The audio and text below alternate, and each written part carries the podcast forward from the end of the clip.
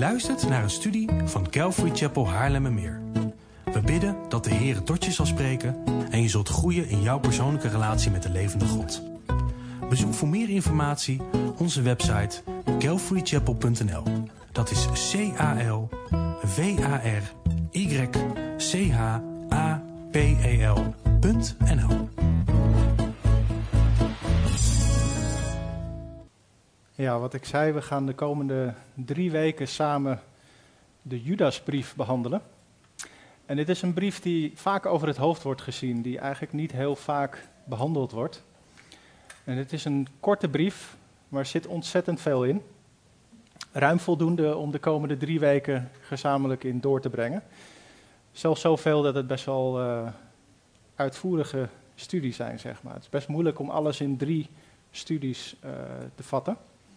Maar volgens mij is dat wel gelukt. Uh, we zullen in de drie delen de volgende onderwerpen behandelen. Uh, vandaag is het thema, zoals jullie wellicht gezien hebben, bewaard door Christus. En we zullen gaan kijken specifiek naar wie Judas is en wat het doel is van de brief die hij geschreven heeft. Volgende week zullen we dan kijken naar afvalligheid. Uh, daarbij zullen we kijken naar voorbeelden van afvalligheid en ook hoe we afvalligheid kunnen herkennen. De week daarop zal het thema zijn bewaar uzelf in de liefde. En daar zullen we kijken naar waar Judas ons toe oproept en hoe wij zouden moeten omgaan met dwaalleraars. Nou, wat ik zei, het is uh, een korte brief met heel veel erin. Maar dit is de laatste brief voor het boek Openbaring. Dus gemakkelijk te vinden in jullie Bijbel. Het is het één na laatste boek in de Bijbel. En de brief is vernoemd naar iemand die Judas heet. Maar de vraag is dan, wie is dat? Wie is deze Judas? En als we samen vers 1 lezen, dan krijgen we daarin meer inzicht. Want daar staat Judas, een dienstknecht van Jezus Christus en broer van Jacobus, aan de geroepenen die door God de Vader zijn geheiligd en die door Jezus Christus worden bewaard. Hier lezen we dus dat Judas een dienstknecht van Jezus Christus is en een broer van Jacobus. Op het eerste gezicht zou je denken van ja, dat is niet heel veel informatie om uit af te leiden wie Judas dan is. Maar als we verder gaan lezen in de Bijbel, dan is dit eigenlijk best wel veel informatie. Want in Marcus 6, vers 3 lezen we het volgende. Is dit niet de timmerman, de zoon van Maria en de broer van Jacobus en Jozef en van Judas en Simon? En zijn zijn zusters niet hier bij ons? En zij namen aanstoot aan hem. En dit gaat natuurlijk over Jezus. En we lezen hier dus dat Jezus broers had en zussen. Vier broers en minimaal twee zussen, want er staat zussen in meervoudsvorm. En hier zien we dus de combinatie van Judas en Jacobus ook weer terug. Dus deze Judas, de auteur van de brief, is niemand minder dan de halfbroer van Jezus en de broer van Jacobus.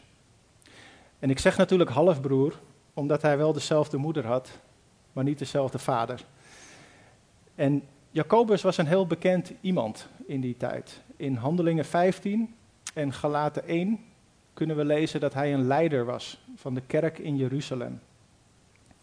Dus in die tijd was het voor de mensen die de brief lazen heel duidelijk wie Judas, broer van Jacobus, was. En dit gaat dus over de halfbroer van Jezus en de broer van Jacobus. En de Bijbel zegt nog meer over deze broers van Jezus. In Johannes 7 kunnen we iets lezen over een ontmoeting tussen Jezus en zijn broers. Daar lezen we in vers 2 tot 5. En het feest van de Joden, het loofhuttenfeest, was aanstaande. Zijn broers dan zeiden tegen hem: Vertrek van hier en ga weg naar Judea, zodat ook uw discipelen de werken die u doet kunnen zien. Want niemand doet iets in het verborgene en streeft er tegelijk zelf naar dat men openlijk over hem spreekt.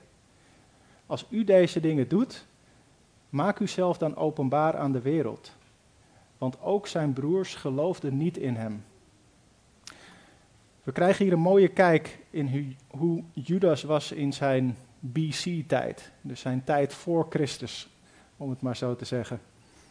En opvallend is dat zij, dat kunnen we hieruit afleiden, dat zij Jezus kennelijk wonderen en tekenen hebben zien doen. Maar we lezen hier letterlijk dat zijn eigen broers niet in hem geloofden. En in Marcus 3, vers 21 lezen we dat het in het begin zelfs zo erg is geweest dat zijn broers dachten dat Jezus buiten zinnen was, dat hij gek was geworden. Want daar staat, en toen zijn verwanten, dus zijn familie, dat hoorden, gingen zij erop uit om hem tegen te houden. Want zij zeiden, hij is buiten zichzelf. Kan je je voorstellen dat je opgroeit met een broer en je kent hem door en door als mens? En dan op een dag begint die broer ineens allerlei wonderen en tekenen te doen. Dan begint hij te claimen dat hij God is, de zoon van de Allerhoogste, dat hij de lang verwachte Messias is. Hoe bizar moet dat zijn geweest? En we weten natuurlijk niet hoe zij zijn opgevoed en wat hun ouders Jozef en Maria met hun gedeeld hebben over de maagdelijke zwangerschap en de, uh, de geboorte van Jezus, de profetieën die over Jezus in het Oude Testament staan. Maar ik kan me bijna niet voorstellen dat hier aan de, aan de eettafel nooit over gesproken werd. Maar we zien dat geen voorkennis, geen familiaire band en geen wonderen en tekenen uiteindelijk resulteerden in echt geloof. En als we dan even teruggaan naar Judas 1, vers 1, waar we net gelezen hebben, Judas, een dienstknecht van Jezus Christus en broer van Jacobus, dan valt op dat Judas zich hier niet langer broer van Jezus Christus noemt. Maar hij noemt zich dienstknecht. En dat woord dienstknecht, dat is doulos in de grondtekst, wat letterlijk slaaf betekent. En nu we weten waar Judas vandaan komt en over welke Judas dit gaat, is dit extra bijzonder om te lezen. Want iets heeft Judas tot dit punt gebracht, dat hij zich niet meer waardig achtte om Jezus broer genoemd te worden, maar hem aanvaard heeft als Heer en Meester over zijn leven. En de vraag is wat dat dan is geweest. En Handelingen 1, vers 13 tot 14 geeft ons hier een aanwijzing voor. Want daar staat, en toen zij in Jeruzalem gekomen waren, gingen zij naar de bovenzaal en bleven daar. Namelijk Petrus en Jacobus en Johannes en Andreas, Filippus en Thomas, Bartholomeus en Matthäus, Jacobus de zoon van Alfeus en Simon Celotes en Judas de broer van Jacobus. Deze bleven alle eensgezind volharden in het bidden en smeken met de vrouwen en Maria, de moeder van Jezus, en met zijn broers. Dus ondanks alle jaren met Jezus, ondanks de wonderen en tekenen die hij gezien had, ondanks wat hij misschien thuis had meegekregen over wie Jezus was en wat er over hem voorspeld was, moest ook Judas opnieuw geboren worden. En hier lezen we in Handelingen dat Judas erbij was in de bovenzaal, wachtend op de uitstorting van de Heilige Geest. En de tekst omschrijft niet precies hoe Judas uiteindelijk tot geloof is gekomen. Maar het impliceert zeker wel dat dit na de opstanding is geweest. En hier schuilt een belangrijke les voor ons in. We kunnen namelijk denken, ik in, in ieder geval, als deze persoon dit wonder ziet, dan gaat diegene geloven. Als diegene ziet wat er met mij is gebeurd, dan kan hij er toch niet meer omheen. Ik heb dit zelf zo erg gehad. Ik begreep echt niet hoe het mogelijk was met zoveel wonderen die God in mij had gedaan en zoveel profetieën die in, tot in perfectie zijn uitgekomen. Hoe het kon dat mensen dan niet gingen geloven. Maar de geschiedenis bewijst dat wonderen en tekenen uiteindelijk niet de manier zijn waardoor mensen echt hun leven geven en Jezus aanvaarden als Heer en Meester. En Judas is hier het levende bewijs van. Levend in die tijd in ieder geval. Nu in de hemel. Ehm, maar goed, ook alle andere volgelingen van Jezus. Simpelweg doordat bij de kruisiging er bijna geen volgelingen meer over waren. Wat het punt is, is dat wij als mensen vooral verlost willen worden van onze lasten in het hier en nu. Daarom zijn alle beloften in sommige geloofstromingen als genezing en rijkdom, rust, een leuk leven, muziek in vele oren. Geloofstromingen die dit soort dingen claimen zijn razend populair. En onze natuurlijke mens kan denken: als God mij verlost van mijn problemen hier, dan zal ik gaan geloven. Omdat onze blik van nature gericht is op het hier en nu, op de problemen van vandaag. Maar we missen hierbij dat als God echt de schepper is en als zijn wegen echt zoveel hoger zijn als onze wegen, dat we helemaal niet moeten willen dat Hij doet wat wij willen. Want als iets duidelijk is door de geschiedenis heen, dan is het wel dat als wij mensen krijgen wat wij willen, dat wij alles en iedereen, inclusief onszelf, kapot maken. Dus wat deze geloofstromingen beloven, dat resulteert niet in echt geloof. Want de echte boodschap is dat wij door Adam allemaal geboren zijn met een zondige natuur. En dat wij allemaal zondigen. Iedereen heeft de naam van God wel eens misbruikt.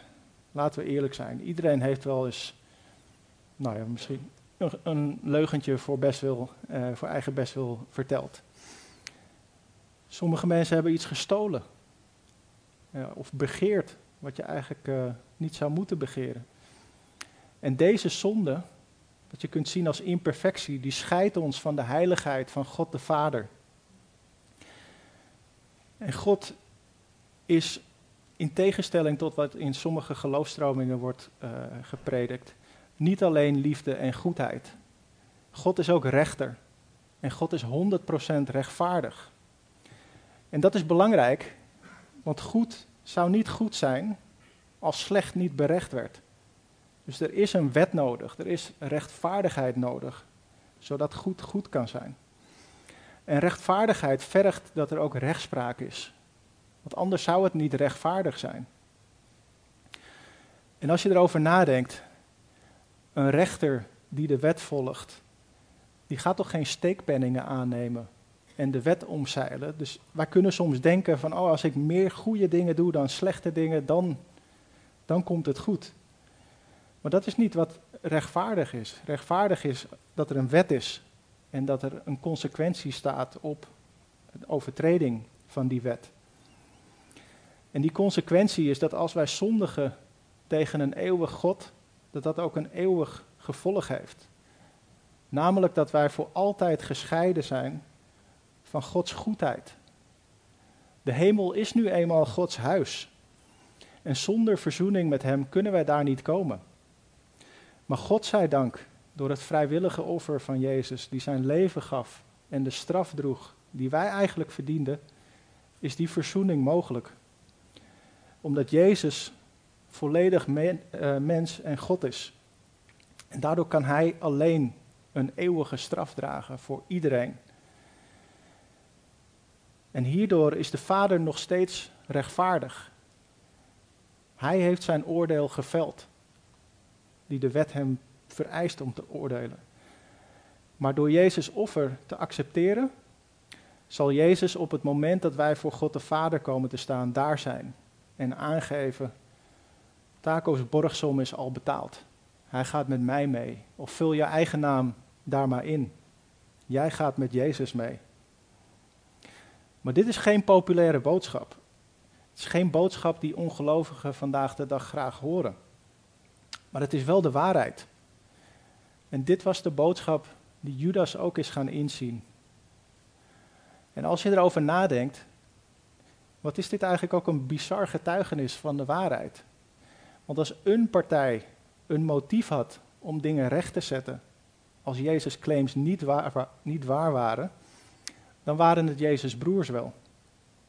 Want als jouw broer ineens dingen doet en claimt die Jezus deed, maar het klopt niet, dan zou je toch alle alarmbellen laten afgaan.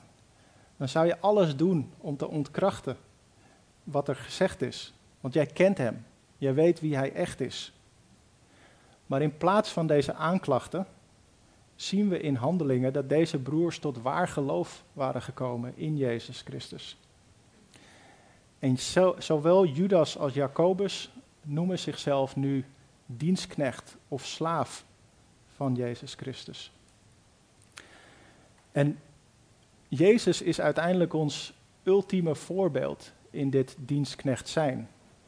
En dit lezen we in Filippenzen 2, vers 5 tot 7, waar staat: Laat daarom die gezindheid in u zijn die ook in Christus Jezus was, die terwijl hij in de gestalte van God was, het niet als roof beschouwd heeft aan God gelijk te zijn, maar zichzelf ontledigd heeft door de gestalte van een slaaf aan te nemen en aan de mensen gelijk te worden. Jezus heeft het perfecte voorbeeld laten zien toen hij zichzelf ontledigd heeft en het gestalte van een slaaf aannam. En wij worden opgeroepen om diezelfde houding aan te nemen als Jezus. En dus onszelf volledig te ontledigen. Dus ontdoen van onze eigen wil. En alleen de wil van onze meester te willen doen. Door het gestalte van een slaaf aan te nemen. En tot dit punt was Judas nu dus ook gekomen. Hij behoorde Jezus nu volledig toe. Duur gekocht met het kostbaar bloed van Jezus. En het kan zoveel rust geven om tot dit besef te komen dat wij slaven zijn. Want met heel veel dingen waar wij mee worstelen, worstelen slaven uiteindelijk niet. En de vergelijking met slavernij zoals wij dat nu kennen, is uiteindelijk geen goede. Want dat heeft natuurlijk allemaal negatieve denkbeelden die daarmee gepaard gaan. Over mishandeling en machtsmisbruik. Maar vergeet dat even. Beeld je even in dat je een slaaf bent van een goede meester. En dat je uit eigen keuze bij deze meester wilt blijven. Omdat hij goed is, omdat hij jou lief heeft. En dat je voor hem wilt werken. Is het dan logisch dat je je afvraagt waar je moet werken als je daar staat. En of je het wel goed genoeg doet. Wat voor functie je moet bekleden. Of dat je naar anderen kijkt en dat je je afvraagt of je niet beter zou kunnen doen wat zij aan het doen zijn.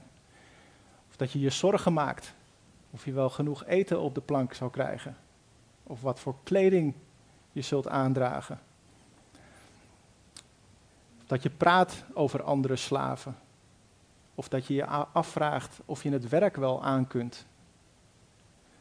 Als je dit even laat bezinken, je kunt dit nog veel verder doortrekken. Maar in dit licht vind ik vaak afgoden in mijn eigen leven. Plekken waar ik misschien mezelf dien of een ander dan Jezus. En het plaatst voor mij dingen echt heel vaak in perspectief. Want dit zijn lasten die ik als slaaf helemaal niet hoef te dragen. Dat is de verantwoordelijkheid van de meester. Hij is de meester, ook over mijn eigen leven. En we kunnen zoveel berusting vinden door dit besef, door echt zijn juk op te nemen en alleen hem te dienen. Nou, nu gekeken naar wie Judas is en ehm, we gaan nu door met uh, de doelgroep en het doel van de brief. Want verder in vers 1 lazen we net dat Judas schrijft aan geroepenen die door God de Vader geheiligd zijn. En Judas schreef zeer waarschijnlijk aan een joods-christelijk publiek, dus Messiaanse Joden. En de reden dat we dit geloven is dat er allerlei verwijzingen in de brief staan naar Joodse geschiedenis. Maar we zien ook duidelijk dat de brief gericht is aan gelovigen, dus daarmee ook aan ons. En het woord dat vertaald is als geheiligd, dat is best een bijzonder woord. Want zo staat het in de grondtekst die wij hanteren, althans die voor de HSV gehanteerd is. Dat heet de Textus Receptus. Maar er zijn meer en andere manuscripten, sommige ook ouder dan de Textus Receptus. En geleerden die hebben dat vergeleken en die zijn het erover eens dat dit een van de weinige foutjes is in de Textus Receptus.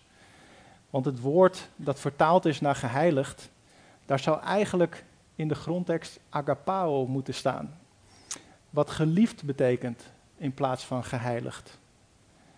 En dat verschil is niet heel erg. Het verandert niets aan de strekking van de brief of de boodschap. Maar het maakt de betekenis wel duidelijker. Want in 2 Korinthe 5, vers 14 tot 15 lezen we het volgende.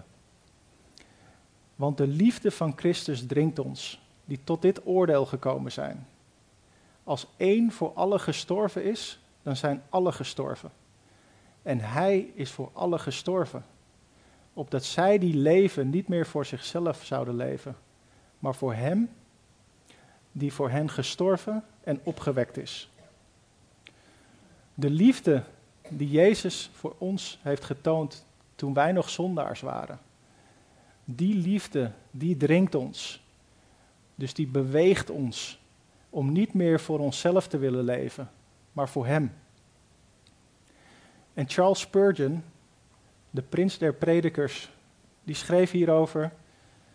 Hoewel er geen vrije mensen op aarde waren die meer vrij waren dan zij, genoten deze dienaren van Jezus Christus ervan liefdesketenen te dragen, die zacht waren als zijde, maar sterker dan staal.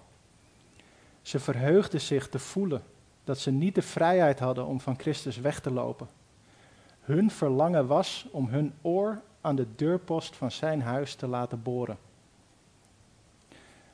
Slaven konden in die tijd vrijwillig kiezen om bij hun meester te blijven. Uh, dit deden ze als hun meester hun lief had en goed voor ze was. En het ritueel dat dan uh, voor hun was voorgeschreven, in uh, Exodus 21 kunnen we dat lezen, is dat ze met een priem door hun oorlel aan de deurpost van de meester werden vastgenageld. Ik weet niet hoe lang ze zo moesten staan, ik hoop niet heel lang. Maar dit is best wel een heftig ritueel natuurlijk. En net zoals zoveel dingen in het Oude Testament, is dit een voorschaduw of een beeld van wat vervuld zou worden in het Nieuwe Testament door Jezus. En in dit geval is het een beeld van onze keuze voor Jezus, wat ook een grote is. Want de keuze is uiteindelijk om ons leven te geven, om de regie over ons leven uit handen te geven. En te zeggen, niet meer ik leef, maar Christus in mij. En hoor dit alsjeblieft niet aan als een pleidooi voor instant heiliging of perfectie. Want onze heiliging is een levenswerk.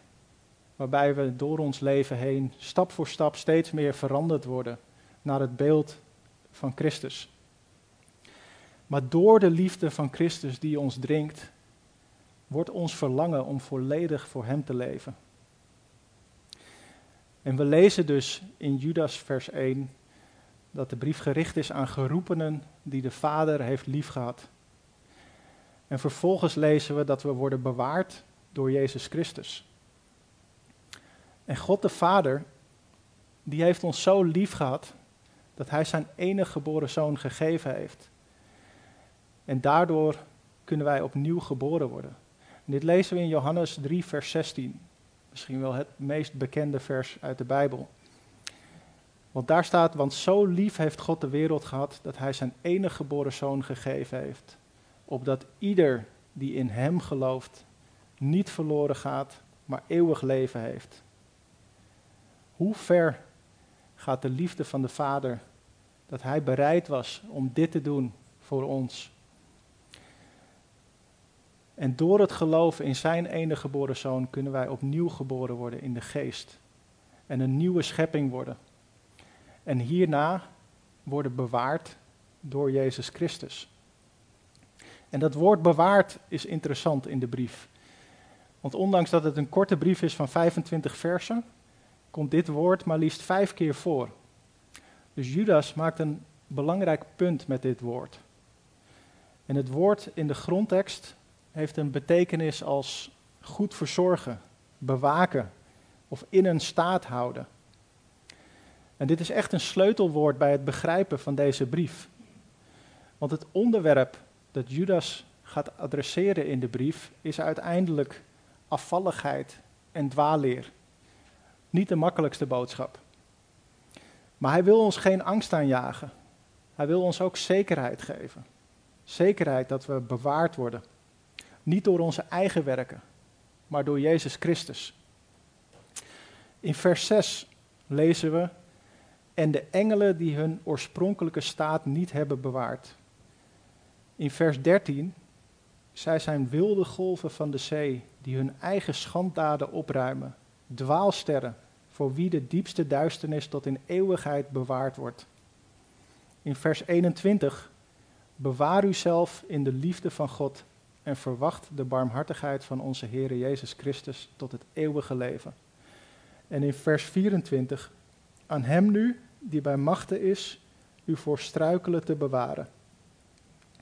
En belangrijk is dat vers 21 geen voorwaardelijkheid vanuit, vanuit Jezus naar ons toe omschrijft.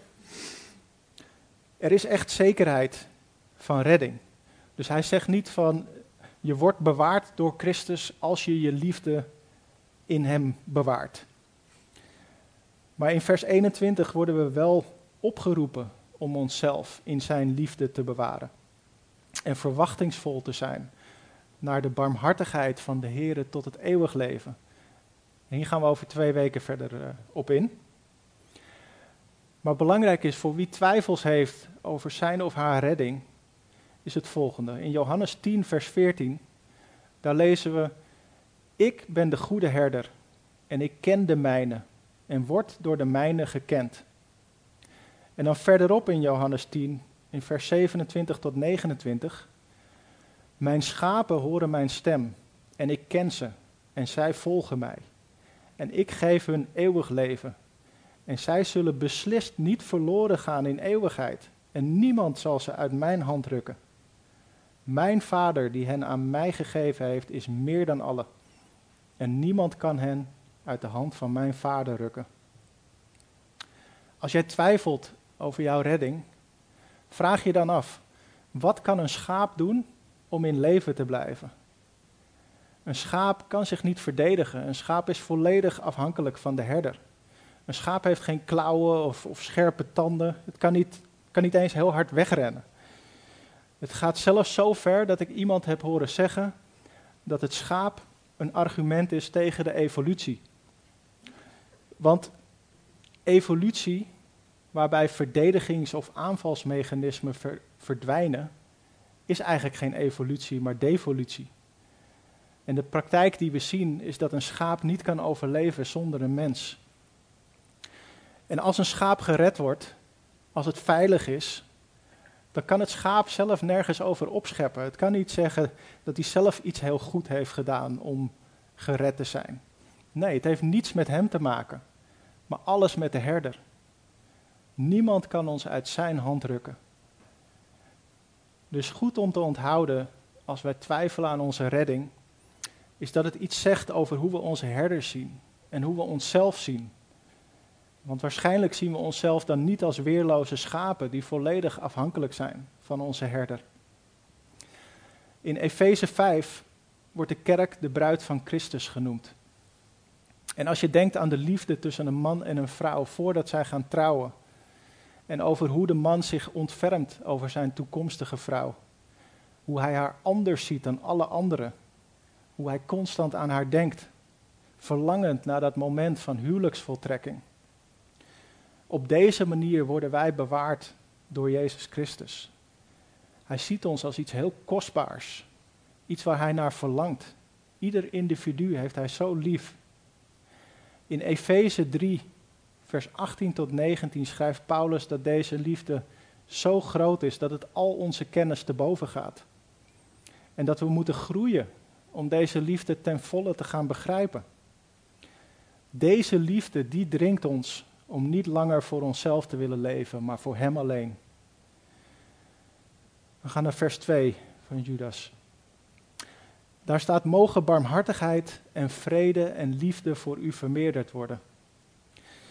En dit is wat Judas bidt voor zijn publiek: dat barmhartigheid, dus mensen niet geven wat ze eigenlijk verdienen, en dat vrede en liefde vermeerderd worden.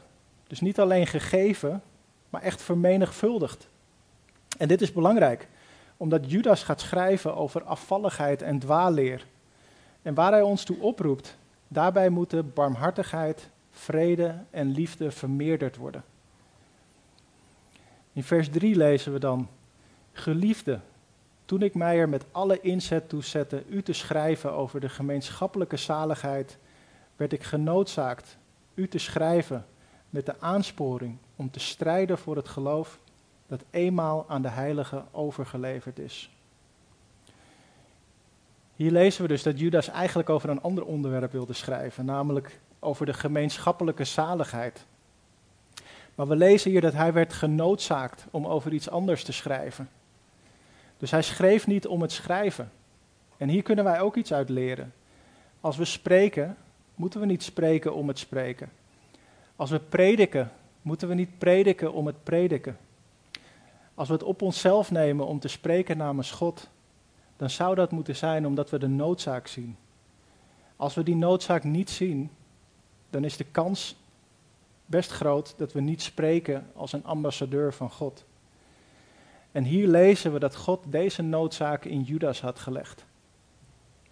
Zo sterk dat hij het onderwerp van de brief veranderd heeft.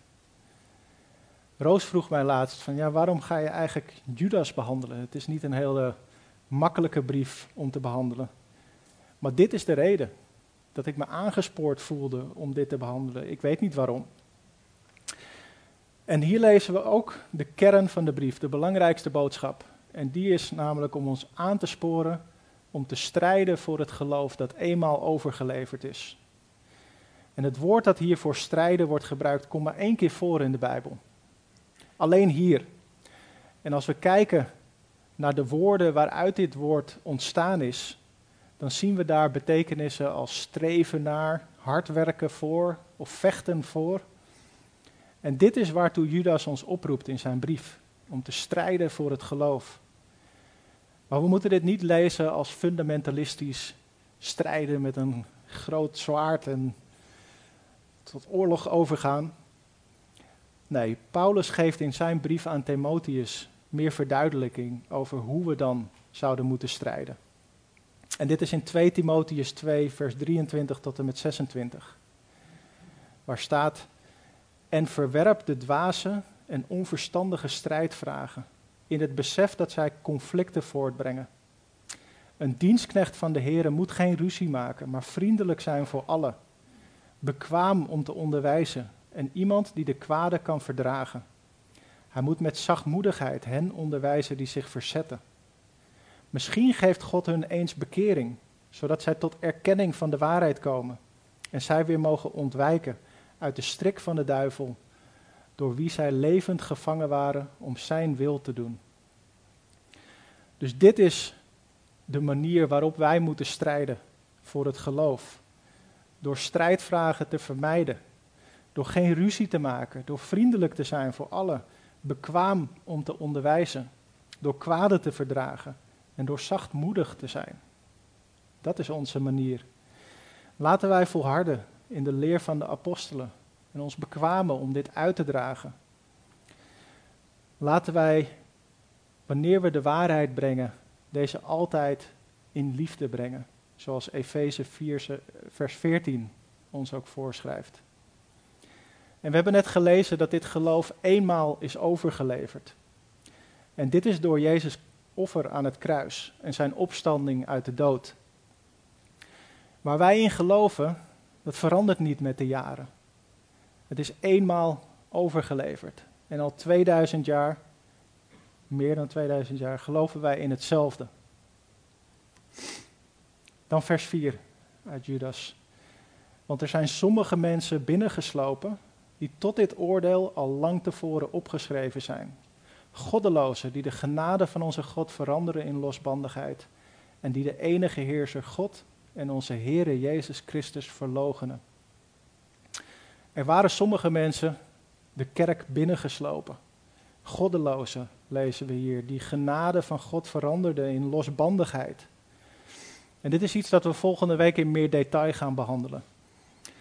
Maar in 2 Petrus was al voorspeld dat dit zou gaan gebeuren. En hier lezen we dat het moment is aangebroken, dat de goddelozen ook daadwerkelijk de kerk waren binnengeslopen. En ik geloof dat dit over het gnosticisme gaat, dat de kerk binnenslopen, binnensloop. En zij verkondigde iets nieuws, namelijk als je het juiste gelooft, dan maakt het niet uit wat je doet. Een hele duidelijke splitsing tussen lichaam en geest. En zij geloven dat al het geestelijke volledig goed is en dat alle materie volledig slecht is. Dus ook de schepping zien zij als volledig slecht. En niet iets wat slecht geworden is door de zondeval, maar wat in de basis goed was. En hun beeld van redding is het ontsnappen aan het lichaam door het verkrijgen van een soort geheime kennis, een soort verlichting, zoals we dat in het boeddhisme ook terugzien. En ze geloven dat de geest uiteindelijk hetgene is wat gered kan worden en op welk niveau geloof nodig is. En voor het lichaam geloofden ze dat het niet uitmaakte wat je daarmee deed. Vandaar de losbandigheid. Zij geloven dat het lichaam op geen enkele manier de geest beïnvloedt. Zolang je maar het juiste gelooft, zal je behouden worden. En deze gnostici, die konden zich dan ook niet voorstellen dat de God die geest is en 100% goed is, een fysieke vorm in een lichaam zou kunnen aannemen. Zoals wat Jezus op aarde heeft gedaan. Dus zij verwierpen de menselijke vorm die Jezus had aangenomen. En ze verdraaiden daarmee de essentie van het evangelie op alle mogelijke manieren. En de apostel Johannes die streed hier ook tegen in zijn brief 1 Johannes. En dit zou later de strijd blijken te zijn waartegen de kerkvoorvaderen eh, gestreden hebben. Irenaeus is een hele bekende, die allerlei boeken schreef in zijn strijd tegen het gnosticisme. En wij strijden hier vandaag de dag nog steeds tegen.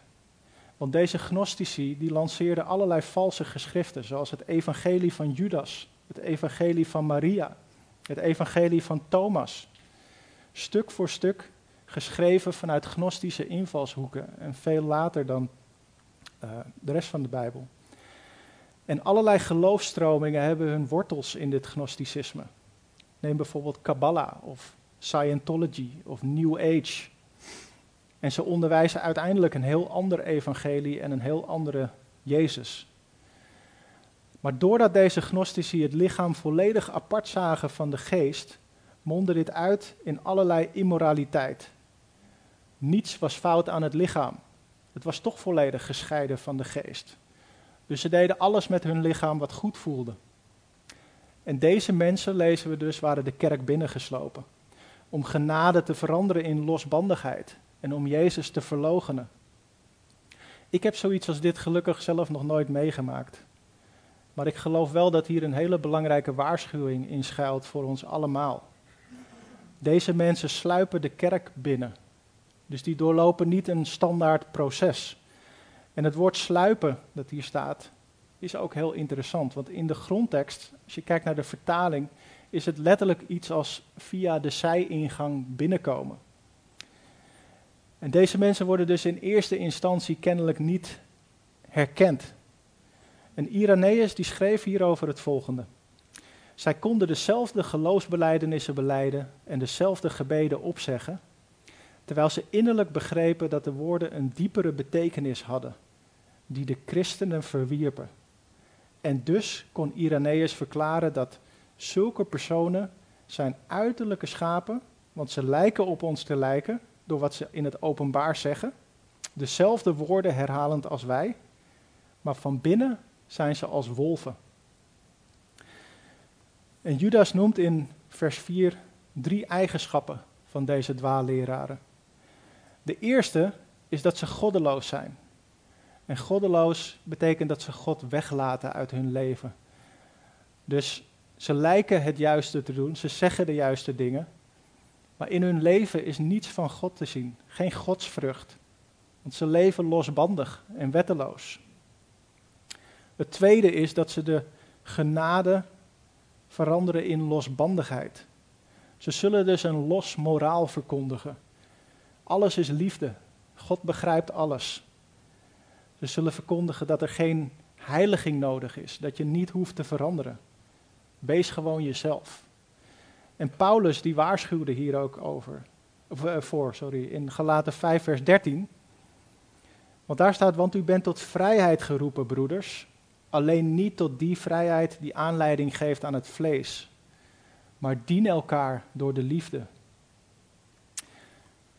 Derde eigenschap die Judas benoemt, is dat ze God verloochenen en onze Heer Jezus Christus. En ik ben God zo dankbaar dat wij hier in onze gemeente vasthouden aan het woord, aan iedere letter. En vooral rondom het leiderschap. Want dit gebeurt ook vandaag de dag in kerken om ons heen. Misschien valt er een voorganger weg. Misschien overlijdt er een voorganger. En als er iemand anders komt, dan klinkt de preek in eerste instantie misschien wel heel goed. Maar voor je het weet, wordt een gemeente ineens ander voedsel toegediend. Met desastreuze gevolgen. Als ik hoor wat er in sommige kerken gebeurt, dan breekt mijn hart.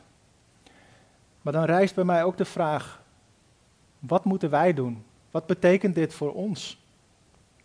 En daarover over twee weken meer. En volgende week gaan we dus kijken naar afvalligheid en eigenschappen van afvalligheid. Nou, conclusie. Wat we gezien hebben is een bijzondere transformatie. Voor Judas, de auteur, van Jezus als mens zien, zijn broer, maar niet als God, naar Jezus kennen als God en zijn dienaar zijn. En het contrast met dwaalleraren, waar hij over schrijft, die de kerk binnensluipen en die Jezus wel zagen als God, maar niet als mens. En zich daardoor niet overge overgeven. Goddelozen die juist wilden afbreken. Als jij Jezus nog niet als Heer ziet en jezelf niet als zijn dienaar, denk dan aan Judas. Zelfs Jezus' halfbroer was ingaan zien dat hij is wie hij claimde te zijn. En als jij je net als Judas wilt bekeren, dus een omkeer maken in plaats van van God weglopen, naar leven voor God en naar Hem toe rennen, omdat Hij jou lief heeft, maak dan vandaag die keuze. Het enige dat je hoeft te doen is Zijn offer aanvaarden. Spreek uit in jouw gebed naar Hem dat je het niet meer zelf wilt doen, dat je je wilt bekeren, dus omkeren van oude wegen. En dat je naar God toe wilt. En dat je gelooft en dat je Hem wilt volgen. En vandaag zal de dag van jouw redding zijn. Als jij je zorgen maakt of moe bent en belast, denk dan terug aan hoe Judas zich slaaf noemt en wat dit betekent. Beeld je in wat een slaaf doet, wat de verantwoording is van de meester en wat jouw eigen verantwoording is. Misschien zijn er lasten waar je zelf je eigen meester bent. Bid daar dan voor, laat ze los en neem zijn juk op je. En als je twijfelt of je je redding kunt verliezen, denk dan terug aan wat Judas schrijft over hoe we bewaard worden door Jezus. Onthoud dat Hij de goede herder is en dat wij weerloze schapen zijn die uit onszelf niets kunnen doen. Het draait allemaal om Hem. En wij kunnen uiteindelijk nergens zelf in roemen. En tot slot, laten wij waakzaam blijven dat niemand bij ons kan binnensluipen via een zijingang en in een leiderspositie kan komen. Dit soort mensen komen niet door de voordeur, ze sluipen binnen, zoekend naar een positie waar ze mensen kunnen wegleiden. Ik ben super dankbaar voor Stan en Casper als onze oudsten en hoe zij in alles echt het woord tot de letter willen volgen. Daarmee beschermen zij ons allemaal voor dit soort invloeden. Maar misschien kom je ooit in een situatie waar zij er niet zijn. Blijf alle dingen toetsen. Wees niet te snel met de handen opleggen en onthoud dat kennelijk in deze vroege kerk dit soort mensen al moeilijk te herkennen waren. Laten we bidden. Ja, vader, dank u wel voor uw liefde, Heer. Dank u voor die liefde die ons dringt, Heer. Die ons beweegt om voor u te willen leven, Heer. En dat is ook ons gebed, Heer. Wilt u ons dat steeds meer helpen om te begrijpen, Heer, die liefde. Hoe groot en omvangrijk die liefde is, Heer. En dat we daarin mogen, mogen groeien, Heer. En voor iedereen die u nog niet als Heer of Meester heeft aanvaard en die dit vandaag hoort, Heer, bid ik dat vandaag de dag van hun verlossing zal zijn, Heer. Dat, dat u hun hart zult verzachten en dat zij die liefde zullen gaan zien die u heeft laten zien aan het kruis, Heer. Toen u zei, Vader, vergeef het hun, ze weten niet wat ze doen, Heer. Toen wij u nog bespuugden als zondaars, Heer. En ons niet tot u wilden keren, Heer. Dank u wel dat u zo ver van ons gegaan bent, dat u ons lief heeft, Heer. En ja, help ons ook om te blijven zien dat u onze goede herder bent, Heer. En dat u ons doet neerliggen in groene, grazige weiden, Heer. En help ons om daarin te rusten en om alles van u te verwachten, Heer. Onze, onze voeding, om ons geen zorgen te maken over wat we zullen aantrekken en of we genoeg te eten zullen hebben. Maar echt alles van u te verwachten, Heer. En wilt u ons aansporen en aanwakkeren om in beweging te blijven, Heer. Om u te blijven volgen in alles. En uh, echt op u gericht te zijn, Heer. En al het andere los te laten, Heer. Om niet met één been in de wereld te staan en één been in u. Om echt alles aan u te geven en voor u te leven, Heer. Want de tijd is kort, Heer. En ja, als we zien wat er allemaal gebeurt in de wereld en hoe snel u terug te lijkt te gaan komen, Heer, dan bid ik nog meer dat we echt losgeweekt zullen worden, allemaal van de wereld en volledig voor u zullen leven, Heer. Want de tijd is kort, u komt snel, Heer. En nu is er nog tijd en er zijn zoveel mensen om ons heen die u nog niet kennen, Heer. En ja, wilt u, ons dan gebruiken als middel in uw handen om ja, uw liefde en uw rechtvaardigheid, uw goedheid op een tastbare manier te laten zien en ook uit te dragen, Heer. En om ons te bekwamen in de leer van de apostelen. En echt uit te reiken naar de mensen om ons heen, om uw woord in liefde te brengen, Heer. Dank u voor wie u bent, voor uw machtige offer en uw liefde en voor alles wat u doet, Heer. In Jezus' naam. Amen.